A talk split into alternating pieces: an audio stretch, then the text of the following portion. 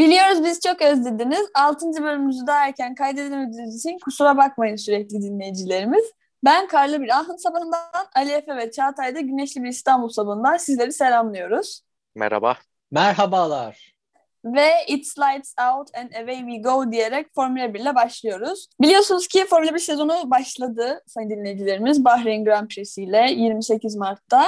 Ee, değişik bir yarıştı. Özlediğimiz çekişmeli geçen bir yarıştı. Yani ben izlerken keyif aldım. Özellikle son turlara doğru Verstappen'le Hamilton'ın çekişmesi ve Red Bull'un yani birazcık belliydi aslında. Red Bull'un Mercedes'e yakın bir araç yapması ve hani yakalaması e, güzel bir çekişmeye sahne oldu. Bence herkes memnun kaldı yarıştan ve özellikle dediğim gibi son turlardan falan. Son turlarda Verstappen'e haksızlık yapıldığını düşünüyorum. Bunu açıklayacağım daha sonra. Ama önce e, kendi yorumlarıma geçmeden önce Ali Efe ve Çağatay'ın yorumlarını dinlemek istiyorum bu sefer. Farklı bir şey yapayım dedim. E, Ali Efe seninle başlıyoruz. Öncelikle yani benim beklentimin altında kalan bir yarıştı. Ama yine de e, güzel bir ilk yarış oldu. En azından Verstappen'le Hamilton'ın bu yıl birazcık daha fazla çekişmeli gideceğini gördük. E, ve antrenmanlardaki çoğu sonucun aslında yakın hani e, bize doğruları söylediğini görmüş olduk. Onun dışında birazdan değineceğim e, bazı konulara, teknik konulara değineceğim birazdan. Şu anda Oo. yarış odaklı konuşursak yani normal bir yarıştı. Sorunları olan takımlar sorunlarını daha iyi görebilme şansı buldu. İşte yeni pilotlar araçlarına alışabilme şansı buldu. Güzel Birisi pek çekişmeler alışamadı. gördük. Birisi de Ee, ilk orta- turdan gittiği için. Mazespin. Mazespin. Evet, bu yıl biz e, bir grupta konuşmuştuk. E, İlk virajda işte Mazepin direkt girer diye ve girdi de şaşırtmadı bizi kendisinde. Adamın o kadar çok haterı var ki gerçekten. Birilerinin duası mı artık nefreti mi ne diyeyim evrene ulaşmış ve adam yarışmanın tadını çıkaramadı bile. Müstehak bence. Müstehak. Sürünsün yani. Sürünebilir. Benim için hiçbir sıkıntı yok. Yalnız sürünürken yanında e, Mick Bey'i de götürmezse ben çok sevineceğim ama çok mümkün olmayacak gibi duruyor. Çünkü Haas'ın arabası gerçekten çok kötü. Ve hani nelerine güvenip bu hareketi yapmışlar bilmiyorum ama biz bu arabayı geliştirmeyelim. Zaten çok iyi bir araba demiş olacaklar ki arabayı hiç geliştirmemişler. Bu bilinen bir şey zaten. Böyle devam Haas yani ben kendimi görüyorum Haas'ta. O yüzden çok da bir şey söyleyemeyeceğim yani. Ama Mazepin'in attığı spin böyle hepimizin yüreğine sarp, su serpti diyebiliriz açıkçası bence. aslında Mazepin'in de attığı spinler e, araçla alakalı. Çünkü aracı çok zorluyor. Yani maksimum faydayı almak için zorladığında da böyle spinler atmak kaçınılmaz. Ee, bir komik olay daha var o zaman ben yine alayım moderatörlüğü elime. Alonso'nun Alonso yarış dışı kaldı ki iyi de gidiyordu anladığım kadarıyla, duyduğum kadarıyla. Yani ben çok takip etmedim Alonso'yu daha çok Hamilton ve Verstappen'e takılmıştım. Adamın aracına sandviç kabı sıkışmış. Gerçekten çok trajik ve trajikomik bir e, Vallahi. yarıştan elenme sebebi diye düşünüyorum. Yani tabii ki pit crew yiyecek bir şeyler ama sandviç kabını da çöpüne atarsın be mübarek demek istiyorum yani. o oraya Çağatay- nasıl geçti? Evet yani sen hiç konuşmadın bu konuyla ilgili ya da yarışla ilgili söylemek istediğin bir şeyler varsa buyur sana fırsat. Ricardo Yani üzerinde ben- söylemek istediğin bir şeyler varsa falan. İlk yarışında yedinciliği aldı. Yani ortalama bir yarış çıkardı. Altıncı başlayıp yedinci bitirdi. Ee, Ferrari başladı. Bu eski özelimiz Ferrari'nin belki bir dönüş sinyali olabilir. Leclerc adına. Ya belki üst sıralara dönmez ama en azından Ya, Formula orta 1.5'da sıra tak- yarışabileceğini aynen Evet. yarışabileceğini gösterdi diyelim. Ya eskisi gibi olamaz zaten. Sergio Perez'i çok beğendim. Bir alt Evet sıralara ya. düşüp çok iyi yükseldi gayet. Yani Ama bu- hak ediyor.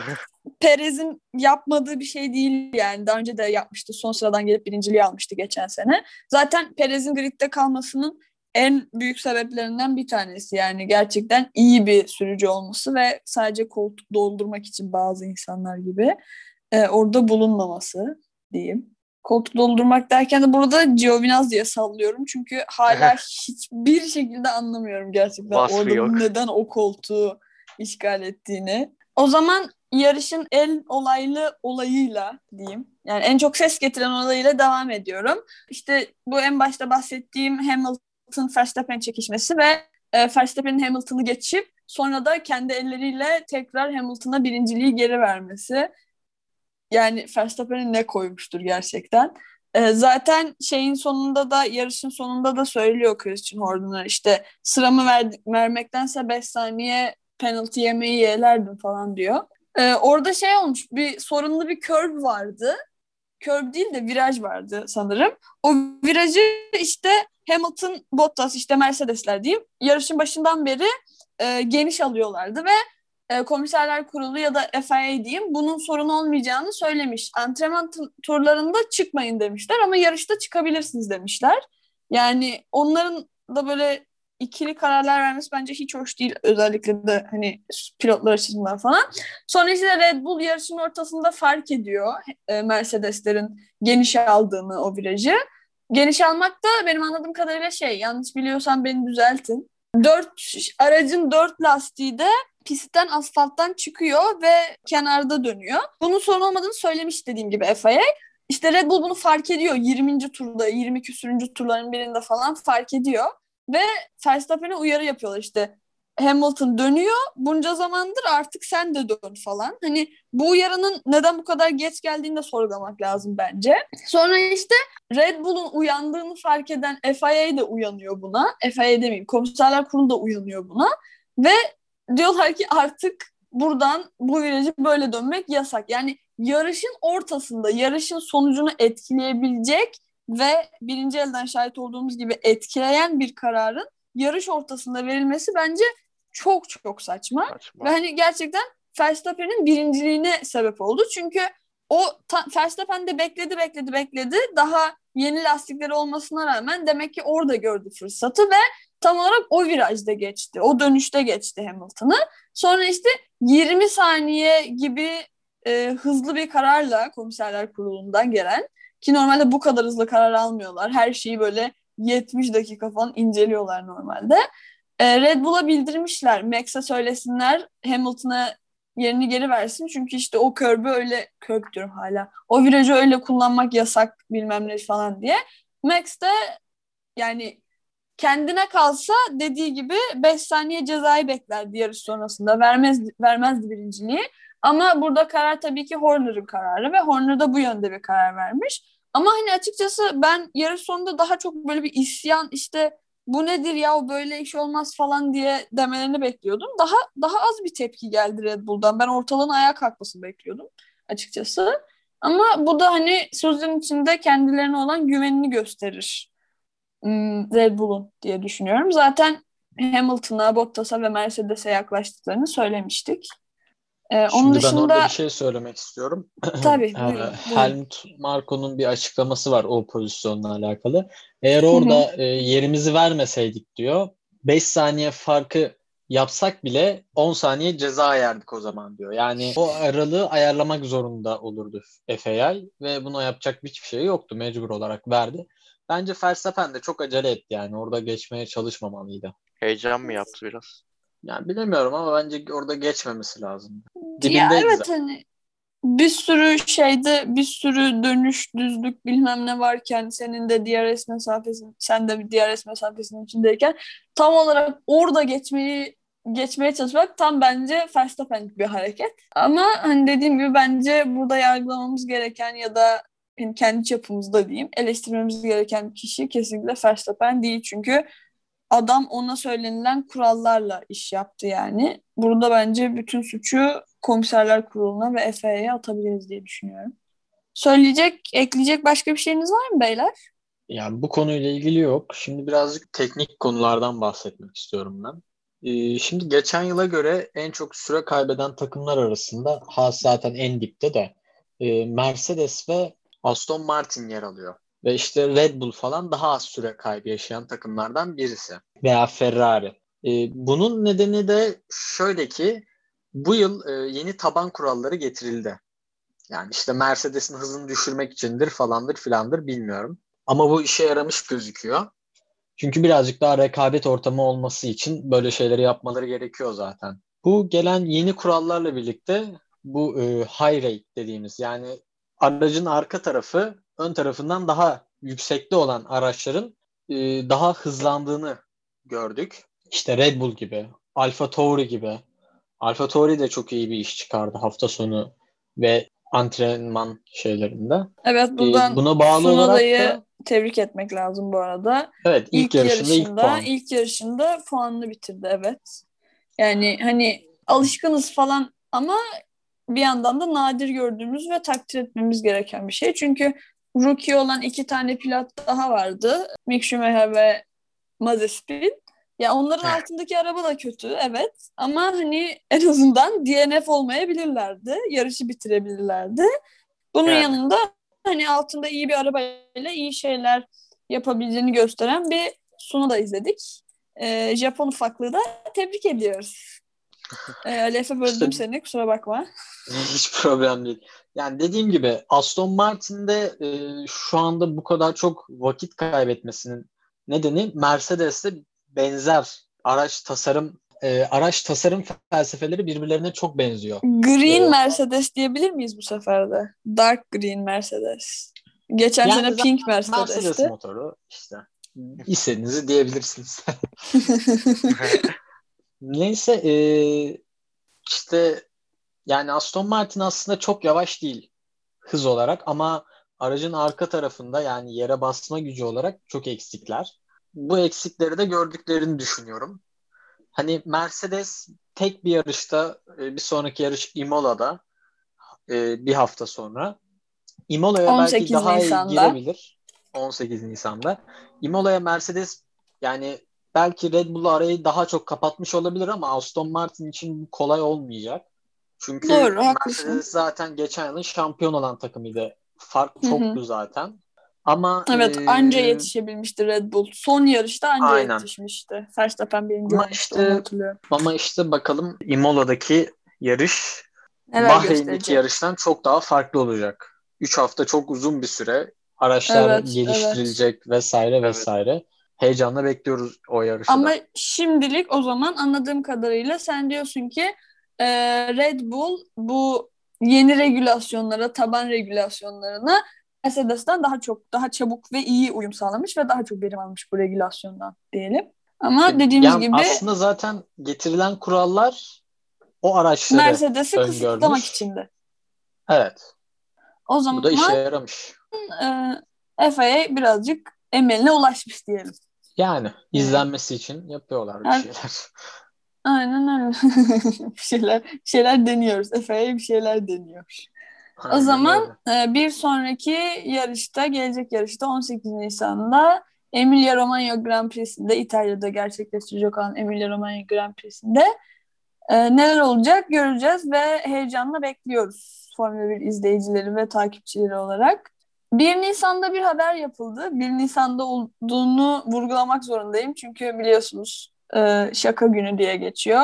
Böyle bir hafif bir sneak peek gibi bir şey oldu diyeyim. E, Turkish GP geri gelebilir mi acaba falan hmm, haberleri yapıldı tam işte böyle şaka günde falan. Biz hani inanmak istiyoruz en derinden ama 1 Nisan'da yapıldı sonra işte doğrulanmadı sonra üstü örtüldü falan derken emin değiliz ama geçen sene e, Türkiye Grand Prix'sinin geri dönüşü de böyle başlamıştı zaten. Küçük küçük dedikodularla falan başlamıştı. Yine bir umutlandık. Umarım boş umutlanmayız diye düşünüyorum, söylüyorum diyeyim. E, motorsporlarıyla ilgili söyleyeceğimiz son şey Extreme E serisi diye bir lig diyeyim. Yani bir yarış klasmanı açıldı.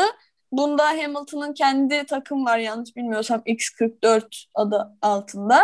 E, Benim hani ilgimi çeken ve gerçekten takdirimi kazanan şey e, takımların bir kadın ve bir erkekten oluşması. Hani bu şey olabilir. Kadınların işte daha fazla ilgisini motor, motor sporlarına çekmek ya da hani daha çok yer vermek motor sporlarında falan ama bence gerçekten çok iyi düşünülmüş bir şey. Aynı zamanda çok fazla okumadım yani yalan söylemeyeyim. Böyle çevre çevrecilikle ve sürdürülebilirlikle de alakası olan bir seri bu. Ee, ilginizi çekeceğini düşünüyorum. O yüzden haberini verelim dedik. Ben de en yakın zamanda boş vaktimde inceleyeceğim. Belki izlerim. Ee, nereden izleyeceğimi bilmiyorum gerçekten. Ama bulunur Türkiye'de bir yer. bir yayın kuruluşu istiyorum. yayınlamıyor. O zaman Keşke yayınlasalar anca ama Anca istatistikleri falan takip edeceğiz. Bu Demek. E, Şu bu arada şartlar altında. sadece e, sadece Hamilton'ın takımı değil, Nico Rosberg'in de takımı var. evet Hatta, Rosberg'in de takımı. aynen hatta e, ilk yarışı onun takımı kazandı. Yani bir Alman Alman çekmiyor değil ama burada Hamilton Hamilton sporlu hafif Hamilton sporlu biri olarak çok e, okumadım hesabesini Nico Rosberg'in diyeyim ama tebrik ediyoruz. Nico Onu Rosberg severim. Sebastian Vettel'i de çağırıyor ama bakalım. Motorsporları ve Formula 1 e, sayfasını tekrar çeviriyoruz ve futbola geçiyoruz. Çağatay'ın her biri ayrı ayrı tutan yaptığı mükemmel 3 tane milli takım maç e, tahmini var.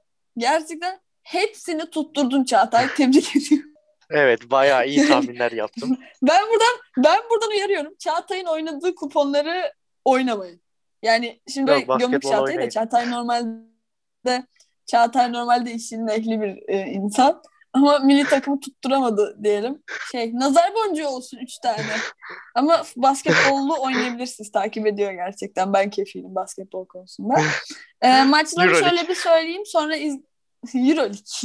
Euroleague maçları. E, ben söylüyorum maçları. İkisi İstanbul'da, bir tanesi İspanya'da oynandı maçların. E, Hollanda ve Letonya maçları İstanbul'da, Norveç maçı İspanya'da oynandı. İlk maçımız Hollanda maçıydı. Çağatay Türkiye yenilir demişti. ve Türkiye 4-2 kazandı bu maçı.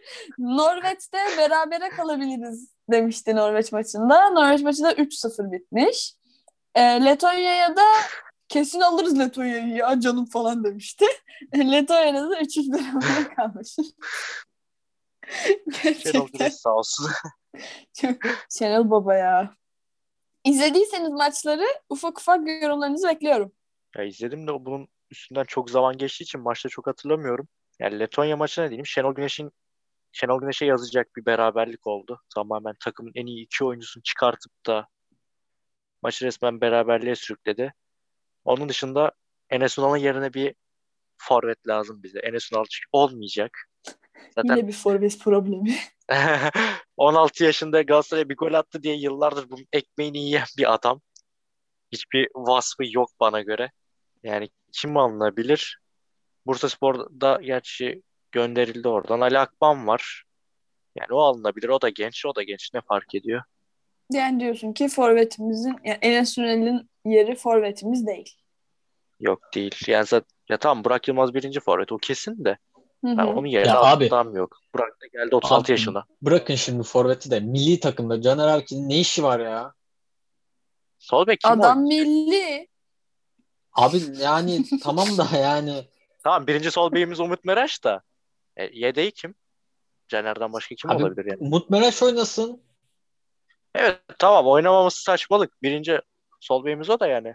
E, tamam hani Caner'den başka Yani- adam yok. O maç kesinlikle Şenol Güneş'e yazar. Yani çok kötü tercihler. Hem de çok.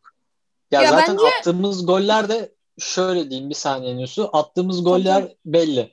Bir tane duran toptan, bir tane şansa, bir tane de böyle işte oyuncunun yeteneğine hani Hakan Çalhanoğlu uzaktan vurur gol oluyor hani. Ya da Ozan. Yani başka türlü bir organizasyon golü hiç yok. Ya ama bence genel Bu- tabloya baktığınız zaman iyi bir iş çıkarmış Şenol Güneş. Çünkü iki galibiyet, bir beraberlik. Hani evet anlıyorum sizin de demek istediğinizi. Çünkü Hollanda'yı ve Norveç'i yenmişken Letonya'ya beraber berabere kalmak Aynen. Letonya'yla çok beklenmedik bir şey.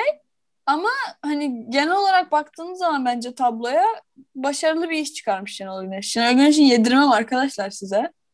Şöyle bir şey ekleyeceğim. Letonya'yı Buyurun. 52 yıldır yenemiyoruz. Böyle bir Evet. olay da var. İstatistiğe bak. Yani yıllardır İnanılmaz. şansımız tutmuyor. Berabere berabere Peki berabere. Letonya'nın futbol takımı çok iyi diyebilir miyiz? Ya, Çok şanslılar mı desek? Olabilir evet. Bize gelince bir farklı oynuyorlar. Artık ne totemi yapıyorlarsa bize bizim maçlarımıza çıkmadan önce. Kesin totem Yusuf Fahir Baba doğası. yapıyorlardır ama. İyi, iyi futbol oynadıklarından falan değil. Kesin totem tutuyordur. O zaman milli takım maçlarını geçiyorum. Beşiktaş'ın beni şaşırttı bu sefer. Kasımpaşa'ya 1-0 yenildi. Nazar boncuğu olsun demek istiyorum. Aa bir dakika nazar boncuğu falan değil. Ben yine şom ağzımı açtım. Dedim ki Beşiktaş şampiyon falan. Ben konuşmuyorum daha fazla artık ya.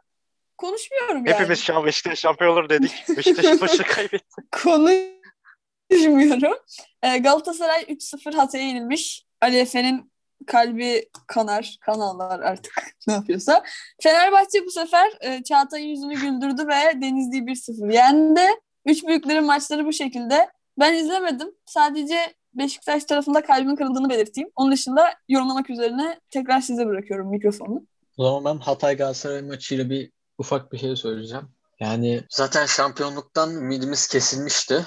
Takımın da ümidi buna artık kalmamış belli. Çünkü sahada oynanan bir oyun yok. Yani bilmiyorum biraz çeki düzen vermeleri gerekiyor takımın kendine. İşte Fatih Terim de buna dahil tabii ki. Yani Fatih Terim'in son iki yılda Galatasaray'ın başında olmadığı kim bilir kaçıncı maçı. O kadar çok ki. Yönetimsel de şeyler var. Zaten bunları konuştuk işte. Belhanda'nın gönderilmesi falan filan. Yani bir türlü oturmadı takım. Başka da söylenecek bir şey yok. Hatay gayet güzel oynadı. Kazandı ve geçti. Şöyle bir şey Çağatay- ekleyeceğim. Ya Bopensa olsaydı. Ya değil mi? Bir de o olsaydı. Bopensa da bir tane atsaydı mesela. İşte olmayınca olmuyor bazen. Fener'de de Evet. durumlar pek yolunda gitmiyor ki. Fener'de top Fener- oynamıyor. Fener bu hafta nasıl kazandı ki? Fener İşte bu hafta Çağatay- tamamen şans eseri kazandı. Analiz analiz bekliyoruz Çağatay'dan. Fener bu hafta nasıl kazandı? Yani bir de Normalde şöyle olur. Falan. Bir de Kadıköy'de kazandı. Kaybeder. Normal hep böyle. maçı kazanmasına ihtimal yoktur yani. İşte lig Fener sonuncusu. Evet Kadıköy'de? Kadıköy'de kaybediyor genelde Fenerbahçe öyle değil mi? Ya bu yıl öyle. Bu yıl de Fener deplasman takımı oldu. Bir de şöyle bir şey var. Hani Beşiktaş kaybetti, Galatasaray kaybetti. Normalde Fener de bizi kanser edip, edip kaybederdi. Şaşırtıcı bir şekilde kazandı. Ama yine gram oyun yok. Bir futbol görmedik sahada. Yani Erol Bulut gitti, Emre geldi Hmm. Falan ama ne değişti? Gol nasıl şey. geldi peki? Klasik bir Gerçi Fenerbahçe oyunu bizim, olan bizim duran toptan Beşiktaş geldi. çok iyi gerçekten. Caner bizim Beşiktaş orta- maçın, maçında da öyleydi. Caner Gerçi- Erkin açtı ortayı kornerden. Orada da Tam hani- hatta vurdu şans eseri. Ya en azından hani şey iyi. Planlanan, kurulan oyunun işe yaraması iyi. Ama işte kaç 10 maçta bir işe yarıyor galiba. Evet. Bu da Evet. stratejinin birazcık yanlış olduğunu gösterir anladığım kadarıyla. Ya Ama strateji bu- o kadar yok bu ki. hafta diyeyim şans yüzümüze gülmüş. Samat da nasıl bir adamsa bir tane gol attı ikinci golü de saydırtmadı. ya senin orada ne işin var ya? Saydırtma derken Adamın şortuna çarptı diye golü vermediler. Ya o şey da bir a- ayrı ayrı Ha offside mı? Evet. İrfancan ceza sahası dışından topa vuruyor. Samatta'nın şortuna temas ediyor diye Hı hı. golü vermiyorlar. Ve hakem Cüneyt Çakır hiçbir şekilde VAR'a gitmiyor. VAR'daki adam gol değil dedi diye direkt kesiyor. Git bir bak, bir incele. Ya sen Allah o adama bu Allah. kadar mı çok güveniyorsun yani? Garip. Ya be, hakem konuşmaya Garip başlarsak bu bitmez. Çıkamayız zaten. Çıkamayız zaten. Yani Hakem gömmeyelim. Gömelim de çok değil. Hakem hakem konuşmuyoruz. Bunu daha önce çok konuştuk. O zaman e, bir sonraki haftanın maçlarıyla devam ediyoruz. Fikstüre şöyle bir göz atalım. Aynı zamanda daha oranlarını öğrenelim. E, sonra da biz kupon yapmıyoruz bildiğiniz gibi artık. E, isterseniz kupa, kuponlarınızı milyoner.com'dan yapabilirsiniz. E, oranları dinlemek üzere Ali Efe'ye bağlanıyoruz. Evet İstanbul stüdyolarındaki gibi oldu ama. Evet e, bugün Beşiktaş'ın saat 19.00'da bir maçı var. Beşiktaş Alanya Spor. Bu maçın e, milyoner.com'daki oranları Beşiktaş kazanır 1.58, berabere 3.30 ve Alanya Spor kazanırın oranı 3.60. Bence Beşiktaş bir sürpriz yapmayacaktır ve kazanacaktır maçı. Çağatay sen ne diyorsun? Var. Ben karşılıklı gol var bekliyorum. İddia olarak. Bir beraberlik çıkar diyorum. Alanya'nın iyi oynadığını düşünüyorum. Ee, bir beraberlik çıkar. Bir Anlıyorum. O beraberlik zaman çıkması e, da işimize gelir. O zaman hemen e, yarın akşam 19.00'daki Yeni Malatya Spor Fenerbahçe maçının oranlarına bir göz atalım. Yeni Malatya Spor kazanırın oranı 4, beraberliğin oranı 3.50 ve Fenerbahçe kazanırın oranı ise 1.48. Yani Fenerbahçe burada da rahat bir galibiyet alacaktır. Ben öyle düşünüyorum. Deplasman takımıyız sonuçta ya. Kazanırız. Yani ben öyle düşünüyorum. Şu an e, bu hafta içi Galatasaray'ın herhangi bir maçı yok. Galatasaray bay geçiyor Fazla. bu hafta içine. Bir sonraki maçı Galatasaray'ın pazartesi günü. Onun dışında e, bakacak olursak Gaziantep Başakşehir maçı var. Gaziantep'in Gaziantep kazanırın oranı 2.40, beraberlik 3 ve Başakşehir kazanırın oranı da 2.15. Yani normal şey şartlarda Başakşehir'in kazanması gerekir ama ne olur bilmiyoruz. O zaman meşhur sorumu sorabilir miyim? Ee. Başakşehir ne yapıyor? Başakşehir hala küme yollarında. Gerçekten mi? Evet kümeye yakın hala. 15. Yani sadece küme hattıyla bir puan fark var arasında. Evet, 18. 15. Ana- Ankara gücü bayağı 32 puanda. Bayağı düşmüş. Ben nedense yukarılarda bekliyordum. Küme hattı şu an baya karışık çünkü herkesin puanı eşit neredeyse. Ee, Denizli Aa, Spor zaten enteresan. düştü gibi. Erzurum da düştü gibi.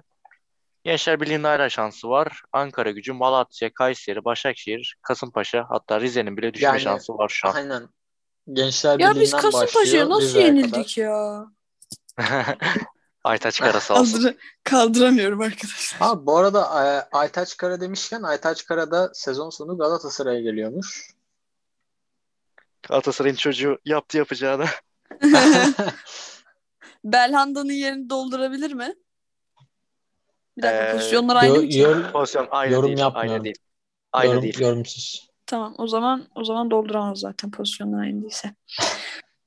Futbol e, kapısını da kapatıyoruz o zaman. Basketbola geçiyoruz. Kadın basketbol takımlarının neredeyse e, yine bütün line-up'ının ve takım staffının Covid olması gibi bir şok var.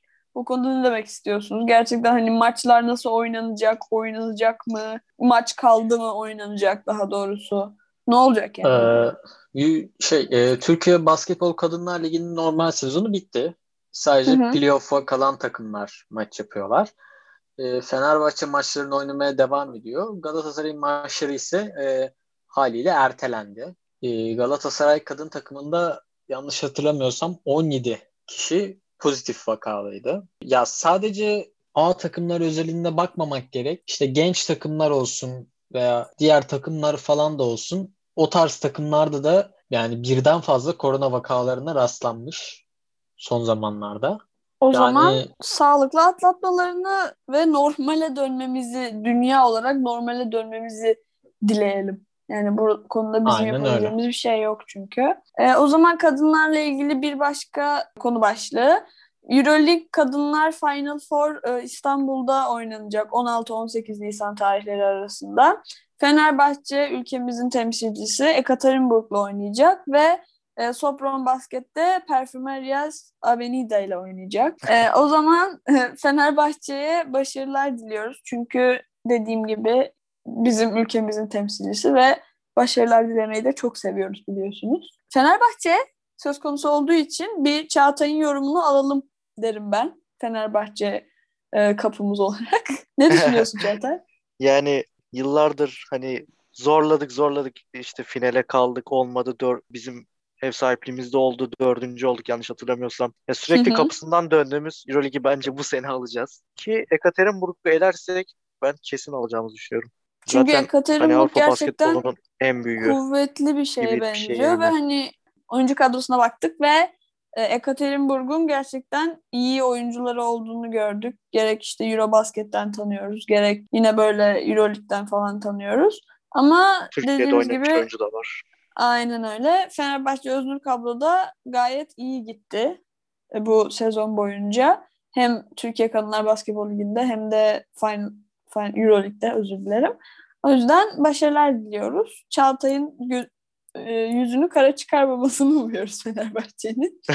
Ve e, ikinci bir Euro- Euroleague kupasında ülkemize getirmelerini bekliyoruz. Kadın basketbolunu kapatıyoruz ve erkek basketboluna geçiyoruz. Galatasaray, Fenerbahçe ve Efes üçlemesiyle devam edelim. E, Ali Efe Galatasaray küme mi düşecek? Ben düşeceğini zannetmiyorum. Ama bana kalırsa düşmeli. Ne kadar bir Hak şey söyleyeceğim. Gerçekten çok objektif ya objektif demeyeyim de en azından taraflı değiliz takımlarımıza karşı. Yani hani düşmesi gerekiyorsa düşsün işte Galatasaray düşmemesi lazım kesinlikle falan demiyoruz. Ben gerçekten takdir Yani. ediyorum şahsen. Galatasaray basketbol e, erkek takımı Euro Cup şampiyonluğundan sonra toplanamadı, toparlanamadı. İşte bütçe sıkıntıları oldu falan filan ama yeniden Hı hı. toparlanmak istiyorsa ya bir düşmesi lazım hani kendine gelmesi için. düşmesi Kendine gelmesi için bir yumruk yemesi lazım diyorsun. Aynı zamanda Aynen öyle. yönetimsel sıkıntılar da var zaten. Yani gerek futbolda gerek basketbolda olsun görüyoruz zaten etkilerini. Yönetimde de bir değişikliğe gidilmeli ya da bir silkelenmeli diye düşünüyorsun anladığım kadarıyla Ali Efe. Evet. Ki ben Ee, o zaten zaman- seçimlerde Hı. Mustafa Cengiz yönetimini bunlar son görüşlerimiz olacak. Kim olabilir peki? Yani tak Heh, güzel soru. Yeni başkan. Kim olabilir? Güzel soru. Yani Fatih Terim. yani bence Fatih Terim'in artık başkanlık zamanı geldi. Olmalı bence. Artık Şey şey. teknik direktörlüğü direktör bir hem kenara başkan. bırakıp Teknik direktör Yok, kim artık- olur peki o zaman? ben Okan Buruk'u görmek Okan isterim. Buruk. ya. Ya Okan Yani Buruk olur ya Okan Hamza. Hamzoğlu olur. Hamza Hamzoğlu olmaz ya. Okan Buruk olur. Boşta ya. Ama tabii Fatih Terim'in onun için gitmesi lazım. Tabii. E tabii. Yani. Ama Fatih Terim de kötü bir yere gitmeyecek yani. Koskoca takımın başkanlığını ele alacak da gerçi Ama hani giderse görmediğimiz yani. görmediğimiz bir şey değil ama hani spor insanlarının spor kısmından ayrılıp yönetime geçmesi ama tercih eder mi Fatih Terim bunu tabii ki bilmiyorum. Ama dediğim gibi işte. sizin de dediğiniz gibi yani sırıtmaz. O zaman Adaylar bizi açıklansın tekrar konuşuruz bu konuyu zaten. Yani. Okey. Bir sonraki bölümlerimizde konuşmak üzere rafa kaldırıyoruz bu bölümü. Ee, o zaman Efes'le devam ediyoruz. Ee, mavi beyaz takımla.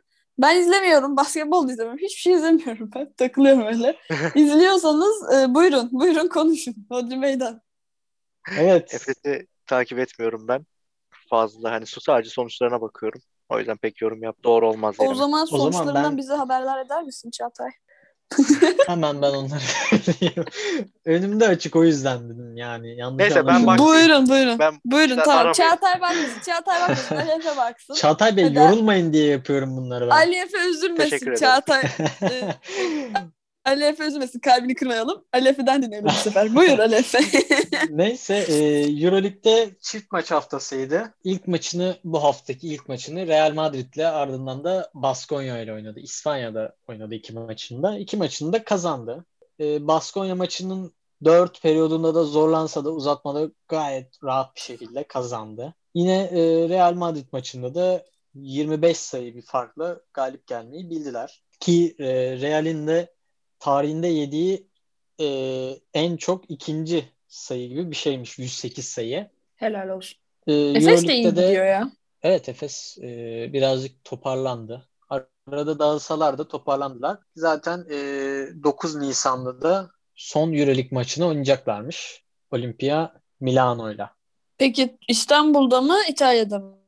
İtalya'da. İtalya'da deplasman. Milano'yu bir yenin de zaman- bizi bir yukarı çıkartın ya. en Siz kaybetmeyin de. olan başarılar dileme Biz kim bir dakika Faslına e. Fenerbahçe kimle oynayacak? geçmiyoruz. Kavga var. Dinleyelim kavga var. Buyurun. Yok kavga yok ya. Ah be. Yok, kavga yok. Real. Real Madrid'le Tamam oynayacak doğru hatırladım. Yani Tamam. ben kazanacağımızı düşünüyorum açıkçası. Fenerbahçe de iyi Barça- gidiyor ya. Ama Ben- meselemiz yok işte. Meselemiz Ben yok. Barcelona'ya kaybeden bir takımla konuşmak istemiyorum dermişim. Ne? şaka Öyle oldu şaka. birazcık. Şaka ya bir yaptım. kavga etsenize. Neyse. Yok. Ben niye Çok mu böyle istiyorsun ya? Hadi ben şiddete şey yapıyorsun? sıkıntı. Destekliyorsun. yok yok yok. Hayır arkadaşlar. Hayır. Evet. Karşıyaka maçını Olur. konuşalım Fenerbahçe demişken. Tabii Olur. buyurun. Karşıyaka yedeklerle çıkmış. Ee, Fenerbahçe Yedeklerle kazandı. demeyelim. Aslında ona Demeyelim. yedeklerle demeyelim. Genç takım Genç takım diyelim. Yani Sadece dört yedek yedek eşittir genç takım zaten. Olsun. Evet ama doğru, genç haklısın. Tamam genç takımla çıkmış. Evet. Fenerbahçe 117, Farkla Karşıyaka kazandı. 59. Karşıyaka kaç? Karşıyaka 59, Fenerbahçe 117. Uf.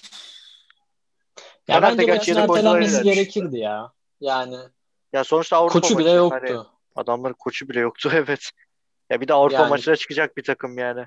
Hani bu Avrupa'yı önemsiyoruz diyorlar ama gerekiyordu ama işte yine Türkiye Basketbol Federasyonu'nun aldığı sansasyonel kararlardan bir tanesi daha. Sansasyonel.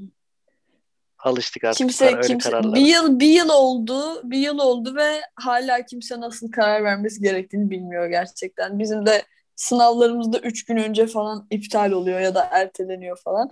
Bir yıl olmuş ama hala alışamadık bu Covid e, olayına. bir an önce geçmesini Evet, diliyoruz evet. ve bu bölümü de bitiriyoruz. Biz dinlediğiniz için teşekkür ediyoruz. Bize ulaşmak isterseniz Instagram hesabımızdan yakincekim sonunda 2 M ile ulaşabilirsiniz. Sorularınızı ve yorumlarınızı bekliyoruz dediğimiz gibi.